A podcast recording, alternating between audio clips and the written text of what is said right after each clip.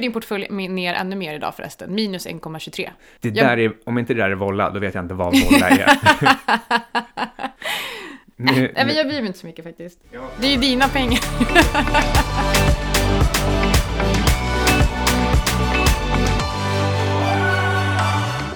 Hej, du lyssnar på Outsiders med Syding och Svan.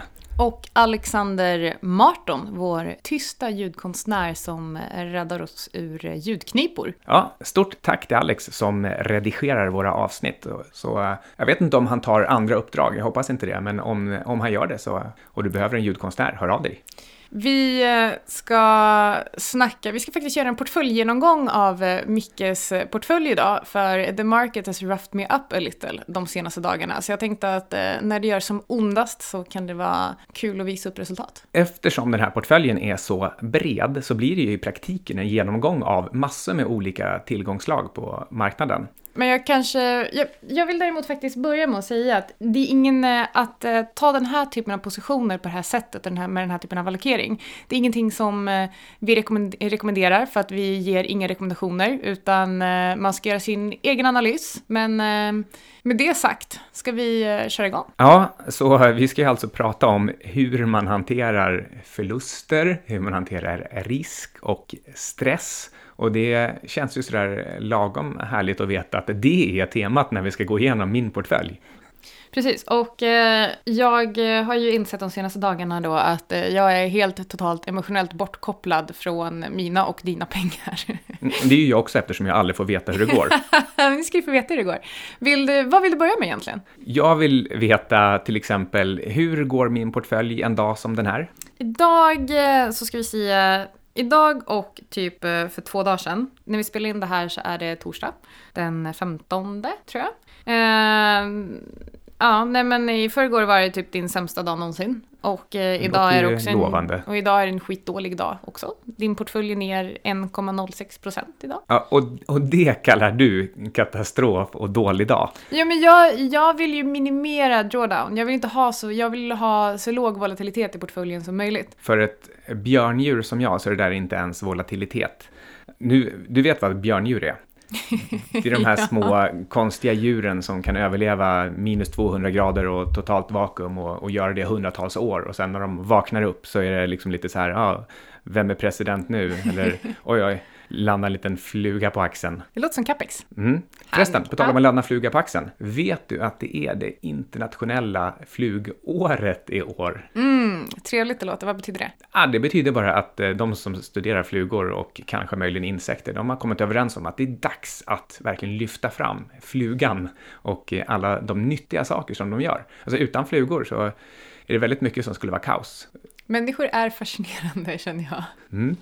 Eh, men ja, vill du, vill du ha resultat eller vill du ha för, allokering först? Börja med allokeringen så att vi vet vad vi pratar om, vet hur, hur ser min portfölj ut egentligen, hur mycket aktier har jag? Ska vi snacka brutto eller nettoallokering? För jag har ju vissa short eh, både på aktiesidan, eller en kort position på akt- aktiesidan och också en på råvarusidan. Så eh, vill du ha nettoexponeringen eller vill du ha bruttoexponeringen eller vill du ha både och? På något sätt vill jag väl ha både och, men jag tror vi kan, vi börjar med eh, netto eftersom det är summerat till 100%. Det känns liksom naturligt. Ja, då är det så här. Du har, kan vi få en trumvirvel? Jag får ju den här frågan ofta, hur mycket, hur ser allokeringen ut och så vidare.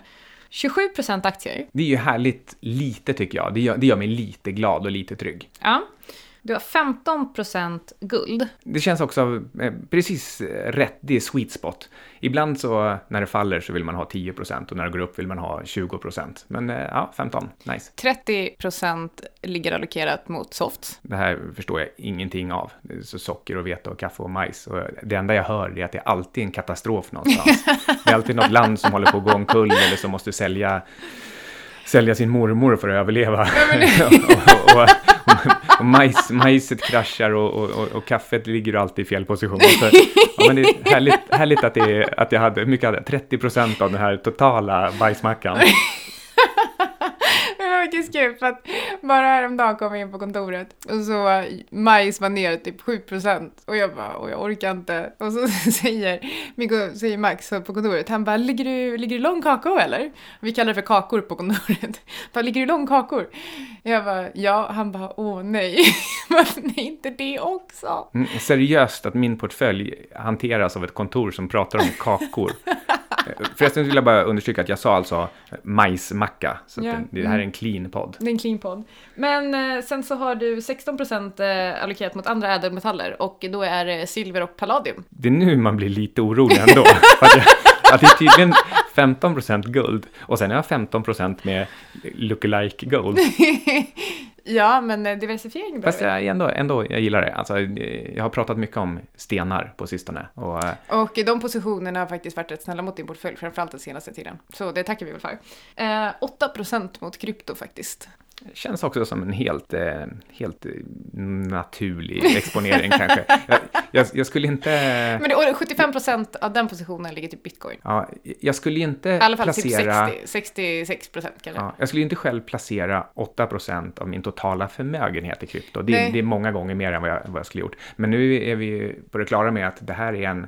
Nu här är det, lite, det är lite noterad- momentum och så handlar det väl kanske mycket om också att jag köpte det på, på betydligt lägre nivåer än vad det står idag. Jag har skalat ur lite och ganska mycket. Och Men- just när vi pratar om det här, just nu, det här är alltså då torsdagen den 15 så augusti. vi droppade bitcoin till 10 000 från typ 11 och 6. Ja, precis när man liksom här för några dagar sedan hoppades att den skulle jobba sig igenom tillbaka upp genom 12 000 och liksom fullborda mönstret med att, att dra till 30 000 innan, innan årsskiftet.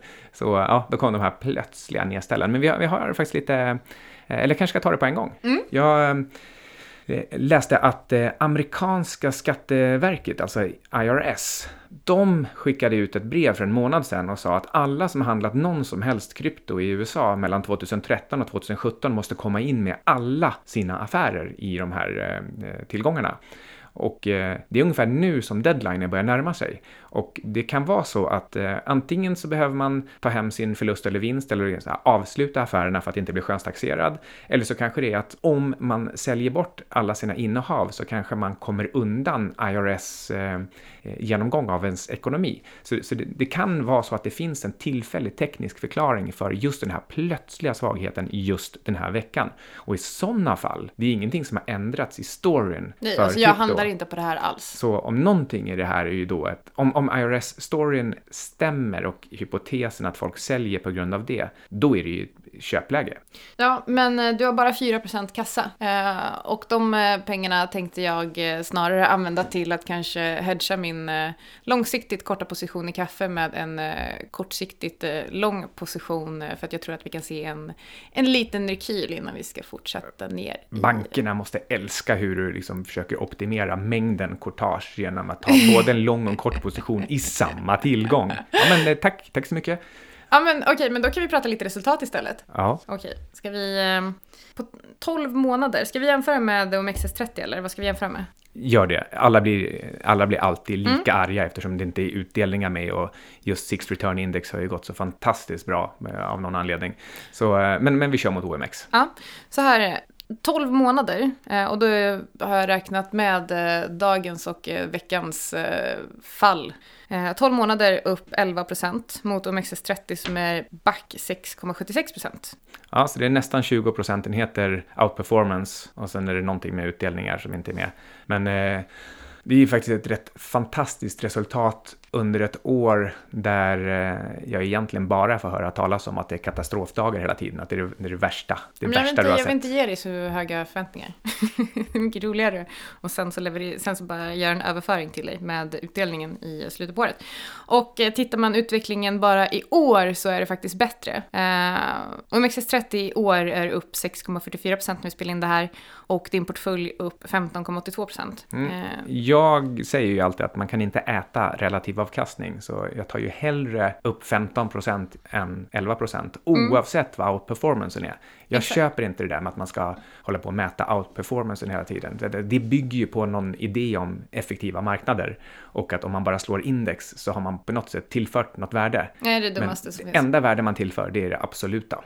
Exakt, och eh, det största värdet som jag ser i, i den här portföljen och i den här strategin är att det är en ganska låg korrelation till börsen. Och det är väl kanske inte så konstigt med tanke på alla konstiga grejer som jag stoppar ner i den här portföljen. Jag vill understryka att de egentligen inte är konst, konstiga. Det där är ju ett narrativ som eh, etablissemanget slänger på en. Och för de vill att det bara ska finnas ett enda alternativ och det är aktier och det ska handlas snabbt, snabbt, snabbt och betalas massa courtage. Ja, nej, men jag är, jag är i alla fall eh, ja, ganska nöjd med det här och eh, jag är framförallt nöjd med hur jag hanterar nedgångar. Mm, du... Inte alls, för det är inte så mycket nedgångar. Nej, men det är också så här att du verkar på ett helt naturligt sätt vara helt frånkopplad. Du, du är en naturlig sociopat.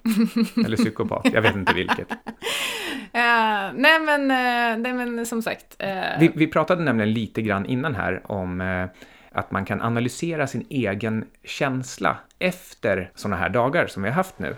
Och, eh, och jag försökte lite grann med, med att säga att ja, men om, eh, om man till exempel är lite glad för att man hade så pass lite krypto när det rasade, ja, då hade man ju egentligen fel position. Då skulle man ha haft mer, för att man ska sträva efter att vara eh, hyggligt neutral vid ett ras och tänka att, ja ja, men eh, eh, jag hade i alla fall uppsidan och det blev inte så illa heller. Då har man, då har man balanserat det här rätt. Men, men du sa, det där applicerar inte på mig. Jag känner ingenting. Nej, men det är verkligen så. Och eh, ett exempel på hur eh, lite jag drivs av eh, greed är att eh, en av våra favoritpositioner, nej man har inga favoritpositioner, det är ett dumt uttryck. En av positionerna ligger i Gran Colombia Gold som vi har pratat ganska mycket om.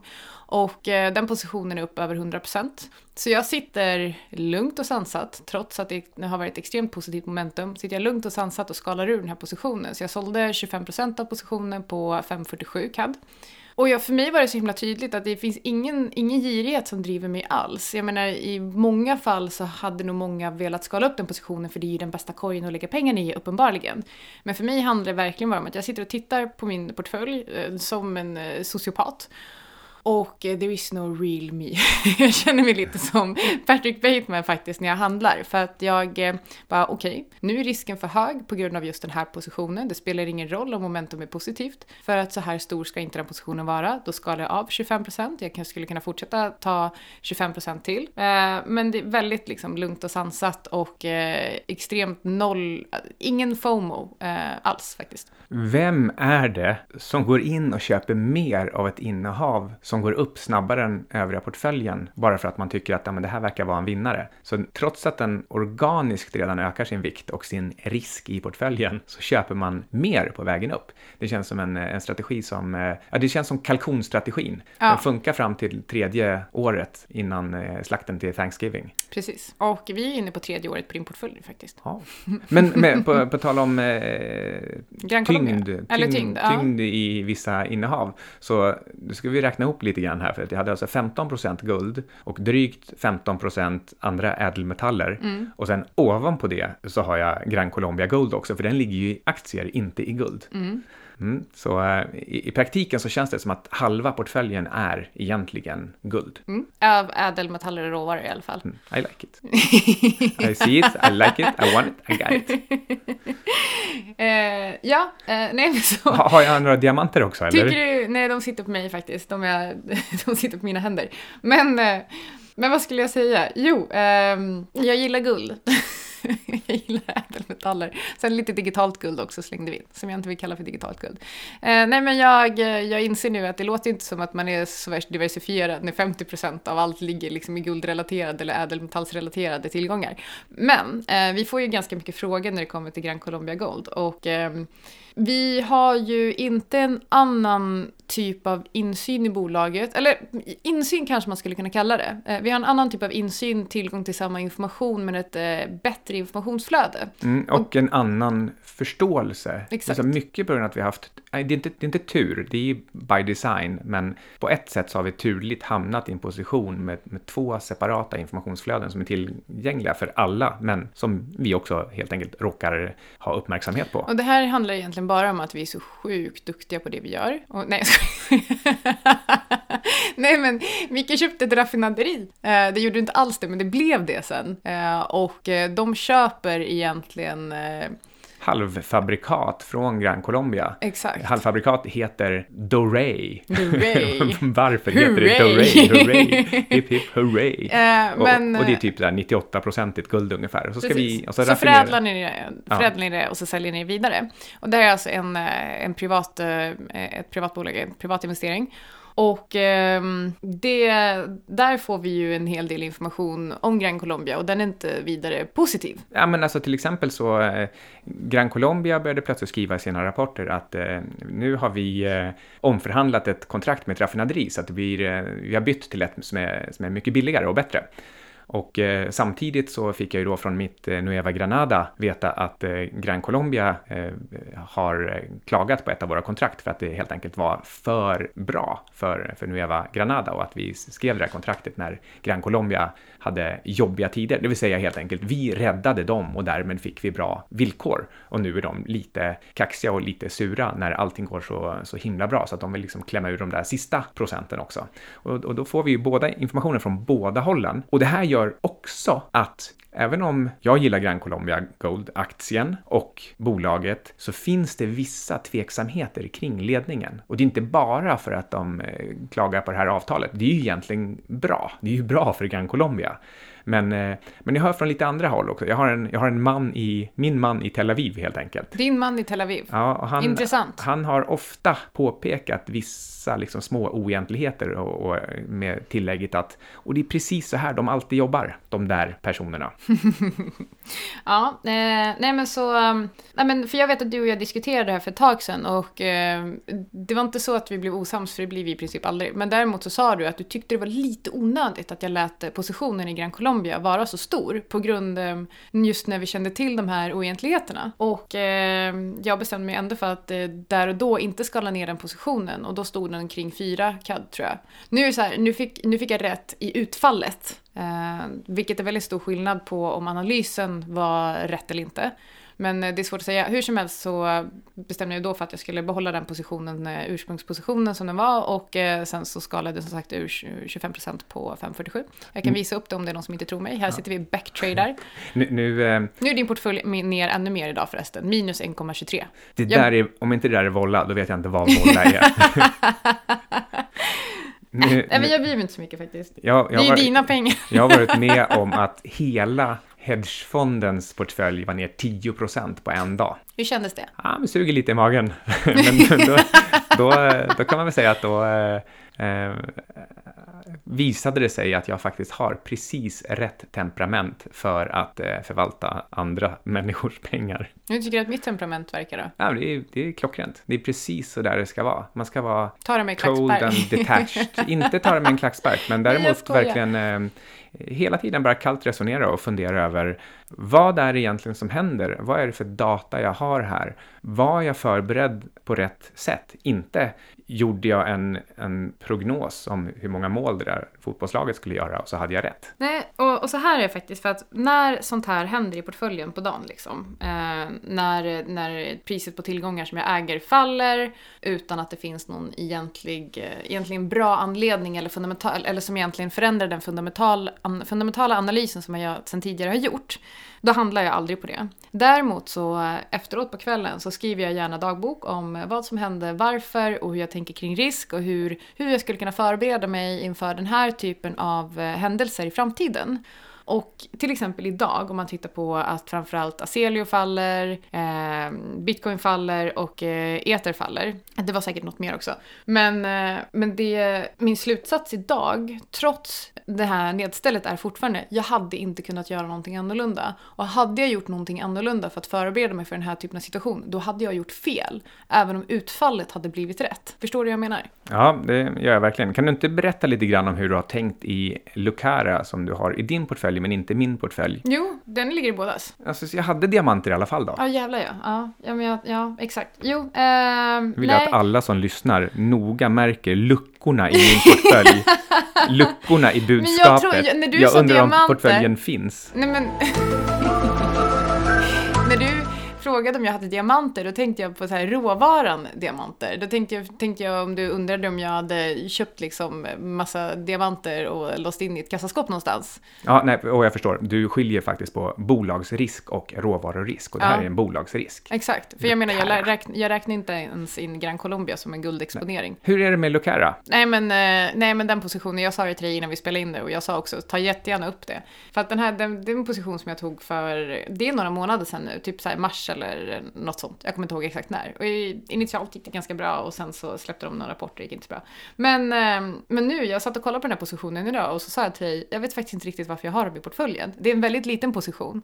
Så att eh, den gör verkligen typ till eller från. Men, eh, men just när jag insåg det, jag, bara, jag vet faktiskt inte riktigt varför jag har den. Så jag ska stänga den. Kommer du ens ihåg varför du tog den? Var Ja, det att och de det hittade någon var- stor ja. diamant? Nej, det var faktiskt för att jag ville göra en eh, kortsiktig swing trade. Ehm, och sen stängde jag aldrig hela. Jag skalade ur den en del, men sen stängde jag aldrig hela. Och eh, det, var det, när- det var därför jag, jag blev inte förvånad när jag såg den, för jag vet ju att den ligger där liksom. Men den är så pass liten så den har inte spelat eh, så stor roll. Nej, men så det var, det var slarvigt av mig faktiskt, måste jag säga. Jag tror knappast att du är ensam om att göra exakt just det What are you? An idiot sandwich. som du gjorde i varenda detalj. Och sen ligger det kvar en liten slatt som man tänker att ja, men jag höll ju på att skala ur den, men jag har inte lust nu Nej, men exakt. nivån. Nej, men exakt. Och sen är det definitivt så att du skulle inte ha köpt den positionen, och vare sig den storleken eller nu. Och det tror jag, jag tror det är precis så alla, allas portföljer ser ut. Och, och då ska man ju inte ha den alls. Så vet du vad, ska jag, ska jag sälja den live i podden? Jag vet inte hur lång tid det, tid det tar, men sälj den om du vill. Okej, jag säljer när vi är färdiga.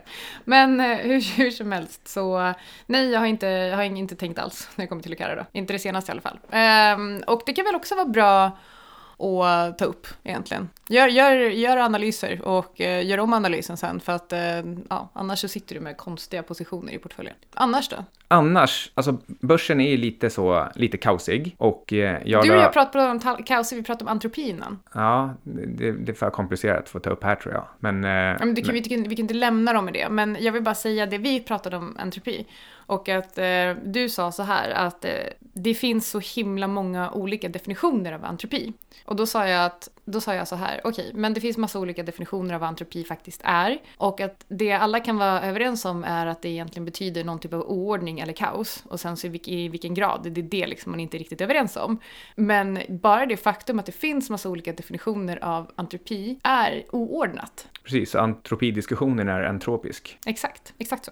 Det var bara det jag ville säga. Men, men skulle du säga att eh, jag skulle säga någon- portföljen är oordnad? Nej, portföljen tycker jag är extremt ordnad. Minus Lucara då? Ehm, men, men vad jag tänkte säga var att eh, börsen är ju kaosig och det beror bland annat på att det finns en cartoon president i USA som eh, tweetar om en det ena, en det andra. Han, han låtsas föra någon typ av internationell eh, handelskrigsförhandling över Twitter. Eh, så fort börsen inte går riktigt som han vill så, så hittar han på att det, det snart löser sig. Eller så slänger han ut en massa nya tariffer och tullar och säger I'm a tariffs man. Undrar om Marvel kommer plocka upp honom. Och sen backar han på det och säger ja fast inte riktigt nu. Eh, och och när, när hans beteende inte längre klarar av att permanent hålla börsen uppe, utan som häromdagen. Ja, den rusade 2% på tweeten om att jag backar lite på tullarna. Eh, och sen utan att något nytt händer. Möjligen att, att Kina antyder att alltså, vi fattar ju att du inte har något att komma med. Du har ingen styrka i den här förhandlingen. Då, eh, och, och vi kan liksom sätta dit dig med vår valuta, liksom hur mycket vi vill. Den, den, det är ändå så att den är på väg neråt och vi har, inte, vi har inte råd att rädda världen igen som vi gjorde 2009 och 2016. Jo, då när börsen faller tillbaka 3% bara dagen eller två dagar efter den där första tweeten. Det är en signal om att det inte bara är en stökig sidledes marknad, utan eh, det här kan nog vara början på en, en, en större sättning. Alltså, och då menar jag större än hösten 2015. Och nu Eller- vet eller- jag att det är jättemånga som kommer säga Åh, det har ni sagt så himla länge, ni är såna permabjörnar, hoppas ni, ni förlorar säkert massa pengar.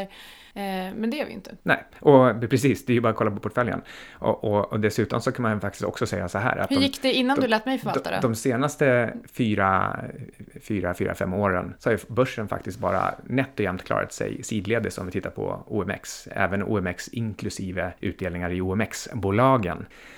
Och själva tekniska formationen, den ser ju fruktansvärt svag och sårbar ut. Den orkar ju inte ens upp till, till topparna 2016 och, eh, och nu ser den ut att bryta igenom neråt i vissa nyckelnivåer och det är samtidigt som sådana här safe haven assets som guld ser extremt bullish ut på chartet. Och den kombinationen antyder att det är, eh, nu får man till, snart till slut betala för de här försöken med artificiella stimulanser och att trycka pengar. Som om någon någonsin trodde att trycka pengar skapar välstånd. Ja, eh, och det är det ju kanske lite kortsiktigt tills eh, liksom marknaden inser att det finns ju mer pengar nu än vad det fanns innan. Därmed borde vi höja priserna.